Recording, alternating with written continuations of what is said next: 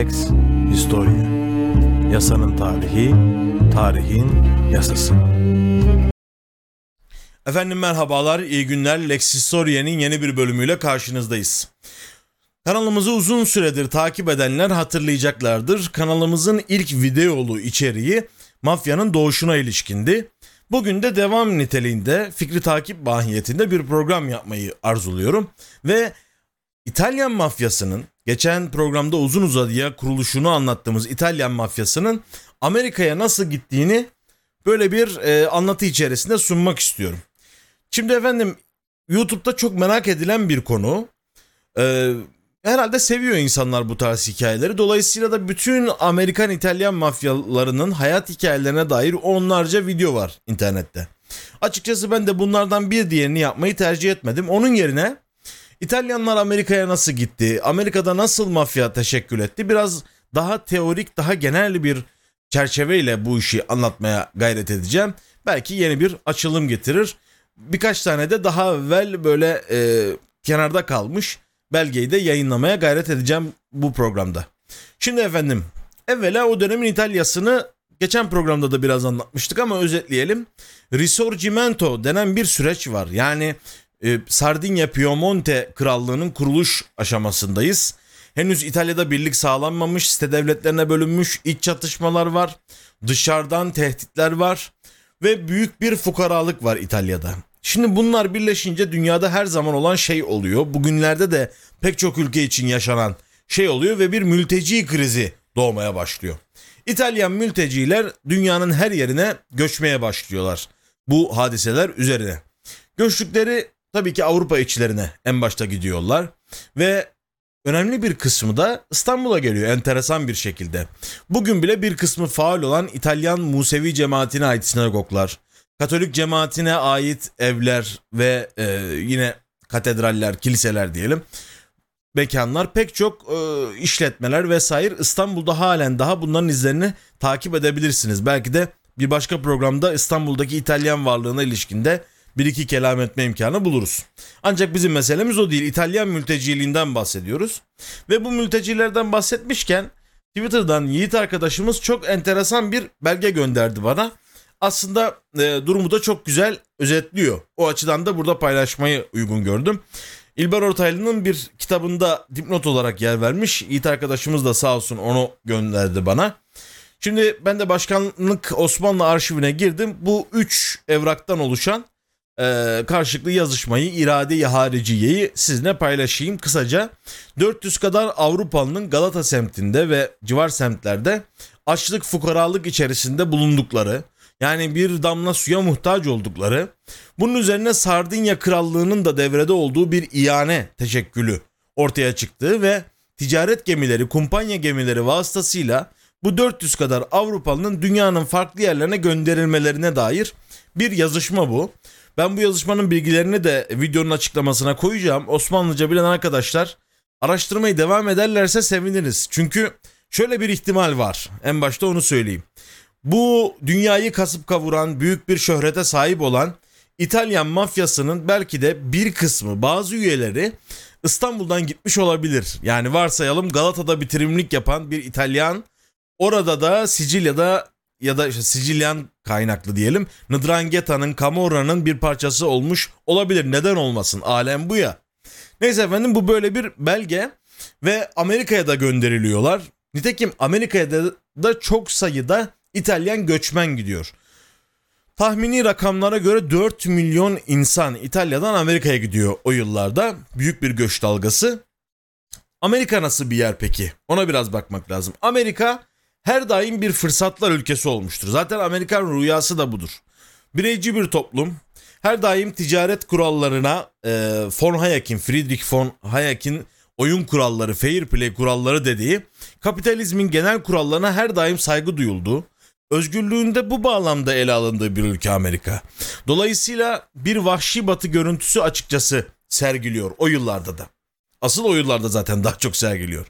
Şimdi Dolayısıyla herkesin bir şekilde kanun kaçaklarının gittiği, ticaret yapmak isteyenlerin gittiği, fukaralık çekenlerin gittiği bir ülke Amerika. Her daim de öyle olmuş. Mesela enteresan bir örnek vardır. Bizim Türkiye'den giden bir örnek bu ve hatta 1790'larda neredeyse Amerikan bağımsızlık bildirgesi yeni imzalanmışken e, giden bir örnek bu. Yeniçeri kaptanı olduğu söyleniyor ama bu tabiri ben çok doğru bulmadım. İngilizce kaynaklardan aldım çünkü. Yani bir gemici 2. Mahmut döneminde orduyla da iş yapan bir gemici bu adam. İbrahim bin Ali İstanbullu. Hatta dedesinin adı da Mustafa'ymış. Onun bilgisi de var. Bu arkadaş İspanyol köleleri olan, 4 tane eşi olan, 6 tane çocuğu olan bir arkadaş. Ve gemileriyle işte harplere gidiyor. Arada ticaret de yapıyordur muhtemelen. Neyse bu bir cinayetle suçlanıyor. Bunun üzerine hapse atılıyor ve İspanyol köleleriyle birlikte hapse atılıyor. Kölelerden bir tanesi buna diyor ki sen gel Hristiyanlığı kabul et. Ona Hristiyanlığı telkin ediyor. Ve bu arkadaş tanassur ediyor eski tabirle. Yani Nasranileşiyor, Hristiyanlaşıyor. Ama bunu ilan etmiyor. Neyse bir vesileyle bu affediliyor, dışarı çıkıyor. Cinayeti belki de kendisinin işlemediği ortaya çıkıyor. Ve e, Rus harbine katılıyor. 93'teki Rus harbi değil daha belki harplerden bir tanesine esir düşüyor ve Vlahların arasında Tuna civarlarında efendim esir düşüyor. Bu adamı St. Petersburg'a götürüyorlar o tarihte. St. Petersburg'da bu Hristiyanlığını ilan ediyor. İnsanlar da büyük bir dikkatle bu herifi inceliyorlar. Yani Osmanlı'dan gelmiş, Hristiyanlığı kabul etmiş acayip bir tip. Bunun üzerine işte bazı şeylerin şuyu vukuundan beter hemen haber teşhiye olunuyor. İstanbul'un da haberi oluyor bu tanassur eyleminden. Kardeşi mektup yazıyor. Sen madem Hristiyan oldun buraya sakın gelme. Çünkü buraya gelirsen seni mürtet diye öldürürler diye haberi gönderiyor. Bu arkadaş lafı uzatmayalım. Bunun üzerine Osmanlı'dan kaçmak için Danimarka'ya gidiyor. Danimarka'dan İngiltere'ye geçiyor oradan da Amerika'ya geçiyor. Ve orada hemen tanınıyor, fizikçi olarak çalışıyor. Ya fizikçi derken mühendislik falan yapmış muhtemelen. Gemicilik olduğu için serde. Baptist Kilisesi'nde Adam adıyla vaftiz oluyor. Çok enteresan. Ondan sonra bunun torunu James Ali Ben Hagin çok önemli bir avukat oluyor ve Amerika'nın 1880'lerdeki önemli milyonerlerinden bir tanesi oluyor. Yani böyle bir fırsat ülkesi Amerika. Bunu anlatmak için e, James Ali Ben Hagin'in hayat hikayesini anlattım. Buradaki Hagin de muhtemelen hacı olduğu falan da söyleniyor da detaya girmeyelim. Nitekim mesela İstanbul'dan Türkiye'den çok göç olmuştur. Hem Güney Amerika'ya hem Kuzey Amerika'ya. Mesela meşhur Neden Geldim İstanbul'a türküsü var ya. Aslında orijinali Neden Geldim Amerika'yadır. Achilleas Plus adında Rum kökenli olması lazım. Bir vatandaş 1918'de gidiyor. Neden geldim Amerika'ya diye bir parça plak kaydediyor. Öyle meşhur olmuş. Neyse efendim lafı iyice uzattık. İtalyanlar da neden geldim Amerika'ya demek sizin İtalya'dan kalkıyorlar ve e, Amerika'ya gidiyorlar. Amerika'da bunlar Ellis adasına önce alınıyor göçmen olarak ve burada pasaport kontrolleri vesaire yapılıyor. Oradan bir görüntü görüyorsunuz. Ve efendim Ellis adasında bun, bunları kontrol ediyorlar işte vesaire. Bir kısmını da geri gönderiyorlar. Geri gönderdikleri için bu adanın bir adı da İtalyanca'da e, Le Isola delle Lagrime. Muhtemelen yanlış telaffuz etmişimdir ama gözyaşı adası. Ellis adası o meşhur New York tarafındaydı değil mi? Ee, o meşhur adanın bir adı da İtalyanca'da özellikle Gözyaşı Adası. Bunlar hakikaten ilk geldikleri zaman zor şartlar altında yaşıyorlar. Yaşadıkları dünyaya ilişkin birkaç fotoğraf e, buldum. Şöyle göstereyim onları size. Gördüğünüz gibi tabi düzgün kıyafetli olanları da var. Böyle çulçaput içerisinde gelenleri de var. E, gariban insanlar ve o dönemin toplumu özellikle Amerikan toplumu çok muhafazakar. Dedik ya ticari bağlamda bir fırsatlar ülkesi. Çok büyük bir ülke zaten. Kanun kaçaklarının saklanabileceği bir ülke ama bir yandan da ağır bir protestan ahlakı, püriten ahlak var ve kök söktürüyor millete. Yani zencilere zenci dememek lazım siyahilere. O dönem kök söktürüyor, kadınlara kök söktürüyor. Daha gerisinde biliyorsunuz Salem cadı katliamı gibi hadiseler var falan. Çok tutucu bir toplum Amerika o dönemde. İtalyanlar da bu tutuculuktan nasiplerini alıyorlar. Nitekim en başta şöyle mırıldanmalar başlıyor. Ya bu İtalyanlar da bizim işimizi elimizden aldı falan. Sonra böyle karikatürler çizilmeye başlanıyor dergilerde. Görüyorsunuz orada İtalyanlar bilmiyorum ne derece görüyorsunuz ama yani yarı insan yarı hayvan gibi resmedilmişlerdir. Ve e, Amerika'nın sonu bunlar olacak falan gibilerinden konuşuyor e, Sem amcamıza e, bir Amerikan. Efendim böyle bir toplumda şey yükseliyor. Göçmen karşıtlığı yükseliyor. Ve Dagoes adı veriliyorlar bu şeylere. Dagolar deniyor bu İtalyanlara. Bunun üzerine 20'den fazla İtalyan 1890'lara gelene kadar linç edilerek öldürülmüş. Bu linçten de kastımız adamları götürüyorlar, ağaçlara asıyorlar, boğuyorlar, yakıyorlar. Böyle korkunç korkunç fiiller işliyorlar İtalyanlara karşı. Ve bunun içinde mesela Ku Klux Klan da var. Yani sırf zencilere değil İtalyanlara ve Katoliklere karşı da saldırılar düzenliyor. Zaten aslında baktığınızda Püriten, protestan bir ülke olduğu için Amerika bir tarafıyla Katoliklere de karşıdır. Yani Katoliklerle de arasında bir mesafe vardır. Zannediyorum uzun aradan sonra bu Joe Biden Katolikti. Şimdi yanlış söylemiyorum ama bir de Kennedy vardır mesela Amerikan başkanları arasında. O Katoliktir.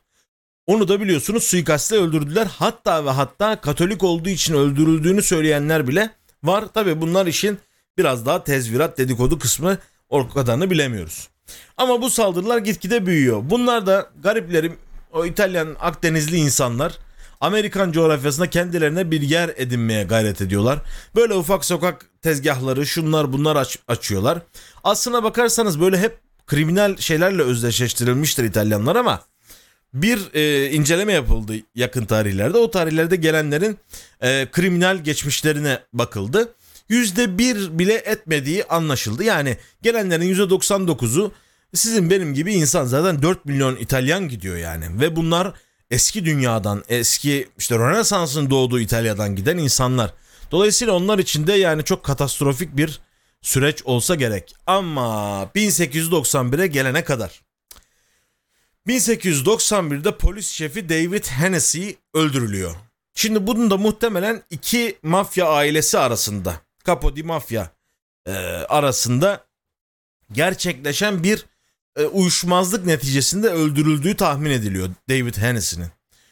David Hennessy öldürülünce New Orleans kentinin e, polis şefiydi bu. Büyük bir infial hareketi başlıyor ve İtalyanlara karşı yani Dagolara karşı büyük bir nefret hareketi başlıyor. Ve dedik ya 1890'lara kadar 20 İtalyan linç edilmişti. Yalnız 1891 yılında 19 İtalyan kah boğularak kah ağaçlara asılarak öldürülüyorlar. Bunun üzerine büyük bir tabi toplumsal infial yani hem İtalyanların şahsına hem de cinayetle ilişkilendirilen Sicilyalı e, ve tabii ki İtalyanlar da kendilerince muhafazakar gelenekçi insanlardır. Sicilya'daki bağlantılarını, kurumlarını oraya taşımışlardır. Mesela az önce bir fotoğraf vardı. Hemen bir İtalyan mahallesi kuruluyor mesela geldikleri yerlerde. E, genelde de göçmenlerin de böyle eğlen, eğilimleri vardır tabii ki. Entegrasyon çok kolay bir süreç değil netice itibariyle. Neyse efendim İtalyanlara büyük bir saldırı hücum başlıyor. Bu saldırı neticesinde de 19 tane genç öldürülmüş. 11 tanesi de e, cinayetle ilişkilendirilerek öldürülmüş. Çok enteresandır. Tabi Amerika'nın böyle bir şeyi de var. Bir kültürü de var. Yani ne kadar samimi bulursunuz bilemiyorum ama böyle sık sık devlet özür diler. Geçmişiyle, tarihiyle sözde bir şekilde yüzleşir. Mesela 2019'da New Orleans eyaleti bu konuda resmi bir özür yayınladı. Ama bu İtalyanların öldürülmesi bir yerde de hayırlı bir işe sebebiyet verir. O da İtalyanların entegrasyon sürecini hızlandırır ve tabii ki burada bir Avrupalı zekası işliyor. Çok enteresan yani. 1892'de sosyal düzeni de yeniden kurmak için Kristof Kolombus öne çıkartılıyor. Çünkü biliyorsunuz İtalyan asıldır Kristof Kolomb. Ve bugün halen Amerika'da kutlanmakta olan Kolomb günü aslında o İtalyan e, azınlığın kendilerini var etme biçimlerinden bir tanesi haline geliyor. Çünkü halen daha çok büyük sevinçle Columbus gününe katıldıklarını görürsünüz. Yani Amerika'da bizim de payımız var. Biz de Amerika'yı kuran unsurlardanız mesajını veriyorlar. Nitekim hakikaten de öyledir. Yani şimdi baktığınız zaman İtalyan Amerikanlar e, kısa sürede de entegre olurlar. Mesela meşhur Frank Sinatra değil mi? O muazzam Davudi sesiyle herkesi etkileyen Amerikan sanatçı. E, Amerikan İtalyandır. Neyse efendim bu İtalyanlara dedik işte bir hücum var, saldırı var, ayrımcılık var. Ama biliyorsunuz İtalyanlar gariban siyahilere benzemez. Onlar da çok geçmeden örgütlenmeye başlarlar. 19. yüzyılın sonuna doğru New York'un Lower East Side e, mahallesinde ve doğu yakasındaki diğer bölgelerde ufak ufak böyle pıtırcık gibi böyle pıtrak gibi daha doğrusu doğru tabir o toplanmaya başlamışlar. Kökenleri Sicilya mafyasına uzanıyor ama bunlar ABD'de e, daha farklı bir yapıyla örgütleniyorlar. Napolilisi var, Kalabriyalısı var. Hepsi aslında Sicilyalılarla birleşiyor. Gurbette o e, İtalya'daki kavgaları bir kenara bırakıp birleşiyorlar ve e, Camorra, Ndrangheta, Sacra Corona Unita gibi organize suç faaliyetlerinin bir ayağı oluyor bu e, organizasyonlar ve ilk olarak ufak tefek haraç işlerine başlıyorlar. Buna da kara el deniyor. Ee, zaten beyaz eller operasyonu, temiz eller operasyonu aslında tam tersi yani o kara el sisteminin tersi bir haraç e, işi başlıyor Amerika'da. İlk kuşak aslında baktığınız zaman burada resim vardı. Ben geçen programda Çolak Giuseppe adını takmıştım bu arkadaşa. Giuseppe Morello o bilinen ilk Amerikan mafyasıdır. Bunlar aslında daha alt kademe bitirimler. Yani göçmen, gurbetçi, gariban adamlar. Aralarında böyle İtalya ile sık bağlantılar kuran Don Vito Cassioferro gibi isimler de var. Yani Don Vito'yu da yine geçen programda detaylı anlatmıştık. Bu adam e, Amerika'da bazı vukuata karışıyor. Tekrardan İtalya'ya gidiyor. Yani böyle bir geçiş dönemi de var yani. İtalya ile de irtibatlılar.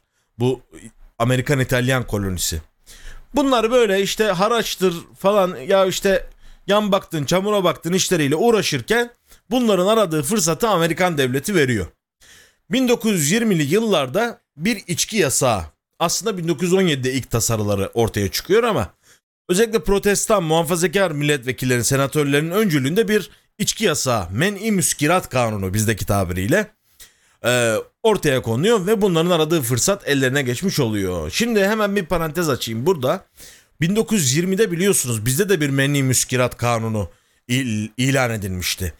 Ee, bize de içki yasaklandı. Tam aynı yılda yani. Öyle enteresan bir tesadüf müdür, denk gelme midir nedir artık?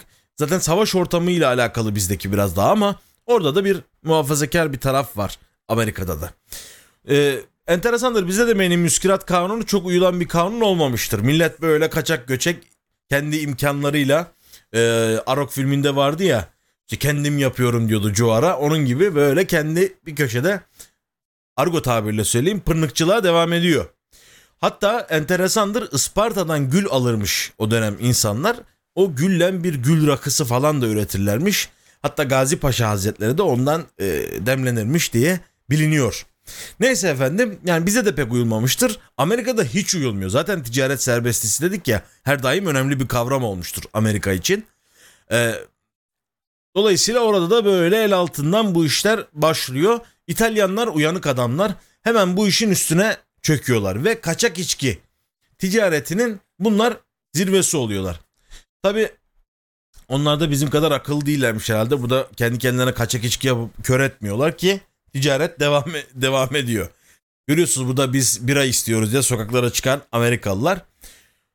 Bir şey daha söyleyeyim. Bizde mesela tütün kaçakçılığı da çok e, takip edilen bir iştir. İstanbul köylerinde bile e, reji idaresinin böyle tütün kaçakçılığıyla mücadele safhaları vardır. Hatta çok delikanlıyı reji idaresi götürdü diye öyle bir e, tabirde vardır eski İstanbul'da. Neyse bunlar dediğimiz gibi İtalyanlar kaçak içki işiyle iyice para kazanmaya başlıyorlar. Ve öyle ki hatta senatörlere bile içki temininde bunlar önemli bir rol oynuyor. Böylece Amerikan siyasetiyle de böyle hafif bir görüşmeler, flörtleşmeler bunlar için başlıyor 1920'lerde. 1929'da da büyük buhran patlıyor biliyorsunuz. Amerikan bankaları iflas ediyor. Millet bir lokma ekmeğe muhtaç hale geliyor. Hal böyle olunca bunlar zaten garibanlık, fukaralık deyince e, böyle teşkilatları da mafyoz teşkilatları da arayacaksınız yani. Dünyanın her yerinde maalesef böyle. Amerika'da da bu iş iyice palazlanıyor. Hatta 1930'da bunlar pastadan pay alabilmek için bir aralarında savaş bile yapıyorlar. Castellan Marez savaşı bu. Hatta bu az evvel gösterdiğim Çolak Cizeppe e, abimiz orada hacamat oluyor öldürüyorlar bunu. Aslında bu savaş mafyanın tam manasıyla Amerika'da teşekkürüne yarıyor. Yani hayırlı bir onlar için hayırlı tabii. Bir neticesi de oluyor. O da şu 5 aile sistemi bu hadiseden sonra Lucky, Lucky Luciano yani şanslı Luciano tarafından özellikle ön ayak olunmuştur. Ve bir e, Amerikan-İtalyan mafyası raconu teşekkül ediyor bu yıllarda. Luciano'nun da şöyle size fotoğrafını önce göstereyim. Evet zaten o yasaklarda 1933'te hitama eriyor sona eriyor. Millet kutluyor gördüğünüz gibi. Evet şanslı Luciano abimizin resmini göstereyim. Bu Amerikan mafyaları çok enteresan. 1930'larda böyle teşekkül etmiş artık organize olmuşlar ama bizim o ilk programda anlattığımız İtalyan mafyasını bile etkiliyorlar. Bu etki de nasıl? Aslında İtalyan mafyası yani orijinal Sicilyan İtalyan mafyası daha köylü bir organizasyon. Yani köylülerle daha ilişkili. Hatta bazıları hakikaten tarımla falan uğraşıyor bunların adamlarının. E, anlatmıştık ya portakal bahçelerinde falan cinayet çıkıyordu ilk. O videoyu uzun uzun izlersiniz. Hatta mesela 1954'te büyük bir servetle ölen Don Calo. Az evvel resmi geçti şurada. Don Calo abimiz bildiğiniz böyle köylü bir görüntüsü var. Ama Amerikan İtalyan mafyaları daha janti abiler. Çünkü bunlar ee, bu artık böyle şeylerle uğraşmıyorlar. Tarımla şunla bununla uğraşmıyorlar. Göçmen olarak uyuşturucu kaçakçılığı, içki kaçakçılığı, silah kaçakçılığıyla uğraşıyorlar ve kendilerini kıta Avrupa'sında yaşadıkları kültürel kısıtlamalar altında görmedikleri için uyuşturucu kaçakçılığına e, medar olacak sermayeyi de inşaat sektöründen, müteahhitlikten alıyorlar. Oysa böyle Donkalo abimiz gibi böyle ağzı açık görüyorsunuz. Tam bir kelle abimiz. Hatta mafya oyununda da o canlandırılmış böyle. Neyse. Onun gibi öyle köylü tipler değil. Bunlar daha janti, daha klas abilerimiz. Ee, gördüğünüz gibi. Abadinski'nin Organized Crime diye güzel bir eseri var. Ben link şeyde koyacağım alıntıya. Orada daha detaylarını da görürsünüz zaten. Ve bunların böyle 4-5 maddelik bir raconu oluşuyor Amerikan mafyasının. Bunları söyleyelim. Mesela organizasyonun elemanlarına karşı sadık ol. Kimsenin menfaatine karışma. ispiyoncu olma. 2. Akıllı ol. Takımın üyesi ol. Kazanamayacağın bir mücadeleye girme. Hani biraz böyle şey olacaksın. Ee, Hindistan cevizini çalıştıracaksın yani. Şerefli bir insan ol. Her zaman doğru ol. Kadınlara ve senden yaşlılara e, hürmet göster. Doğru bildiğin yoldan şaşma. Şimdi burada şeref meselesinde yine bir önceki videoya bakabilirsiniz. Bu şeref farklı bir şeref. Racondur bu yani. Şeref diye kastedilen. Dayanıklı bir insan ol, gözünü kulağını dört aç, çeneni kapa. Omerta kuralını hatırlayınız. Kimseyi satma. Homo homulitas'tır. Omerta'yı da hatırlıyorsunuz. Alçak gönüllülük. Ee, kurallara bağlılık. Bir sınıfa sahip ol. Yani bir çevren olsun. Ama bağımsız ol. Etrafında neler olup bittiği hakkında her zaman bilgi sahibi ol. Bu bağlamda da bunlar bu sınıfa tabi olma meselesini de şöyle yorumluyorlar her zaman. Ya bu polisler, politikacılar, şunlar bunlar hep yolsuzluğa bulaşmış iki yüzlü insanlar. Biz dürüst ve delikanlıyız.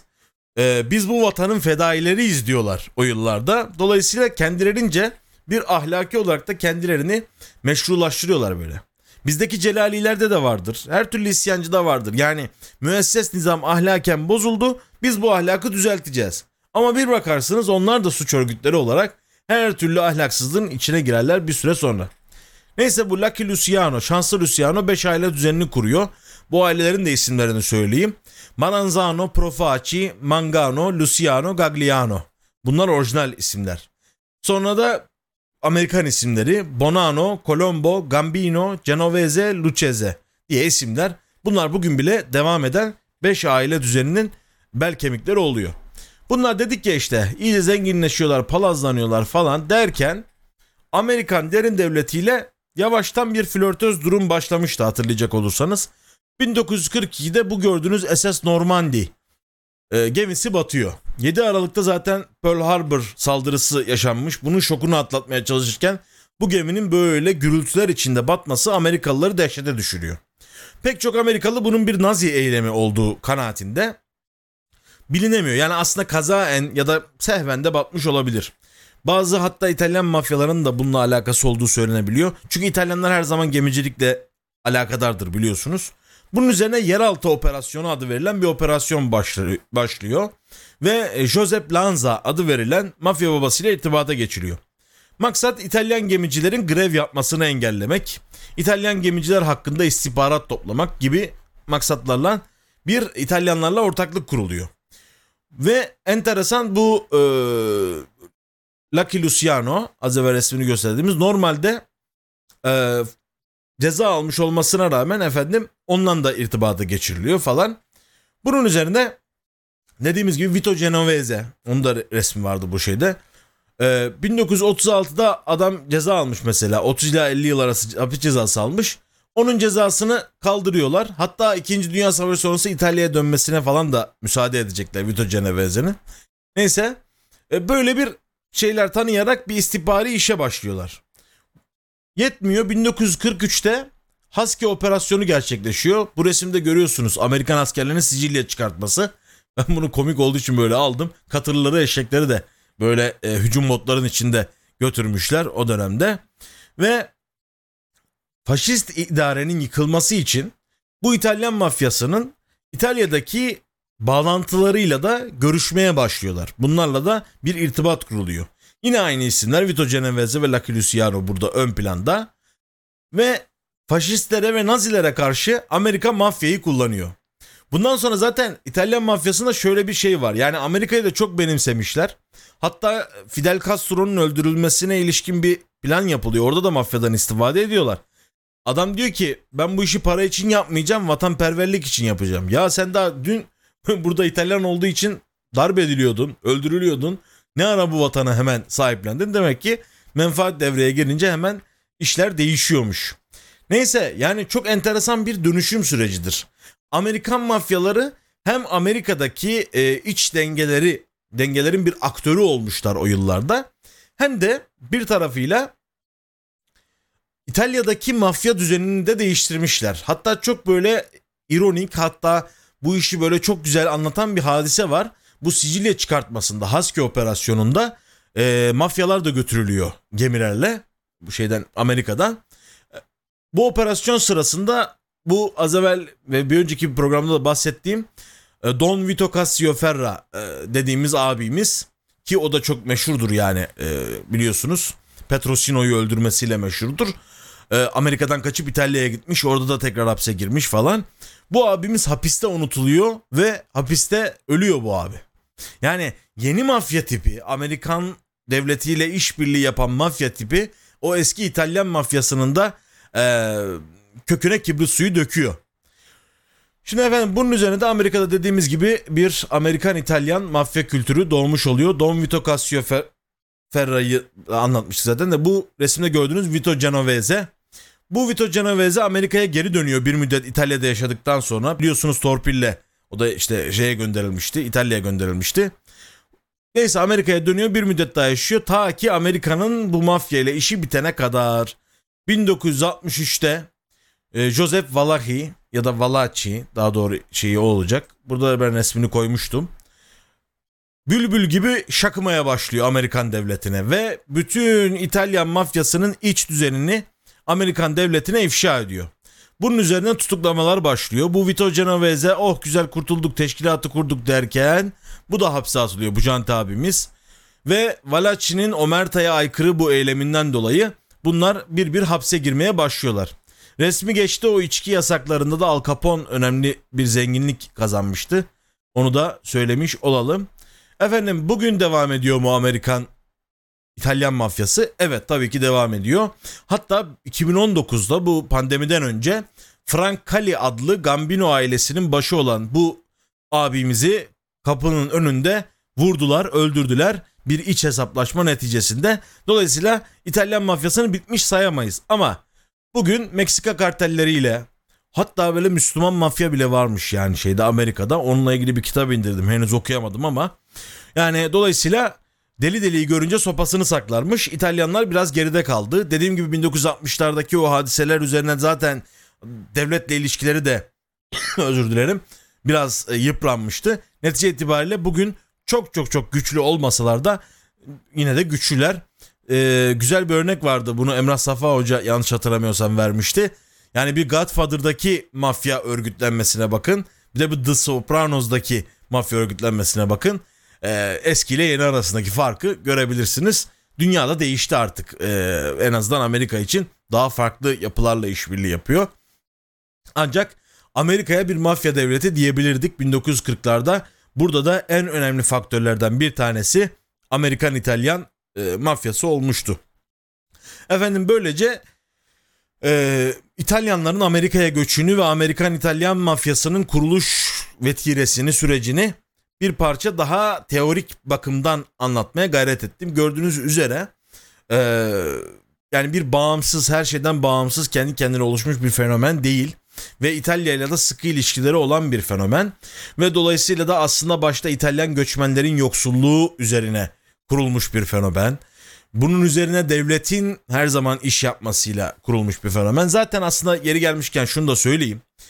Ee, her zaman bu tarz örgütler, mafyoz yapılanmalar devletin hukukuna bir alternatif olarak ezilenlerin bir sesi olarak, isyanı olarak ortaya çıkarlar. Ancak tıpkı bizim Celalilere paşalık verilince susmaları gibi her türlü isyancı e, bir şekilde müesses nizamla işbirliği yapar ve bu işbirliği yapma süreci buna isterseniz yozlaşma diyebilirsiniz ama tabii ki bu indi bir görüş olur. Bir şekilde o örgütleri e, kendi halkına da kendi yapısına da zulmeden bir noktaya taşır.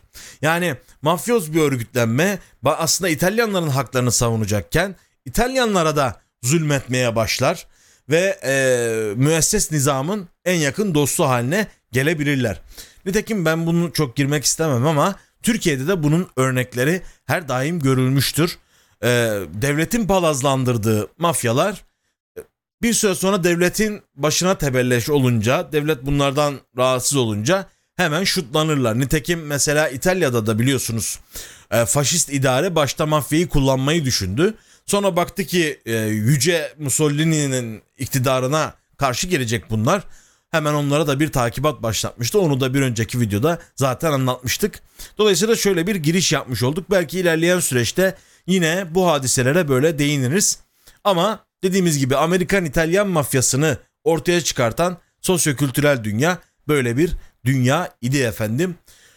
Yani böyle aralar veriyoruz. Nasip oldukça videolar yayınlıyoruz ama bizi her daim takip ettiğiniz için, kanalımıza abone olduğunuz için, beğendiğiniz için, paylaştığınız için, yorum yaptığınız için, hiç değilse bu kanalın ve bendenizin farkında olduğunuz için sizlere sonsuz teşekkürlerimi arz ediyorum.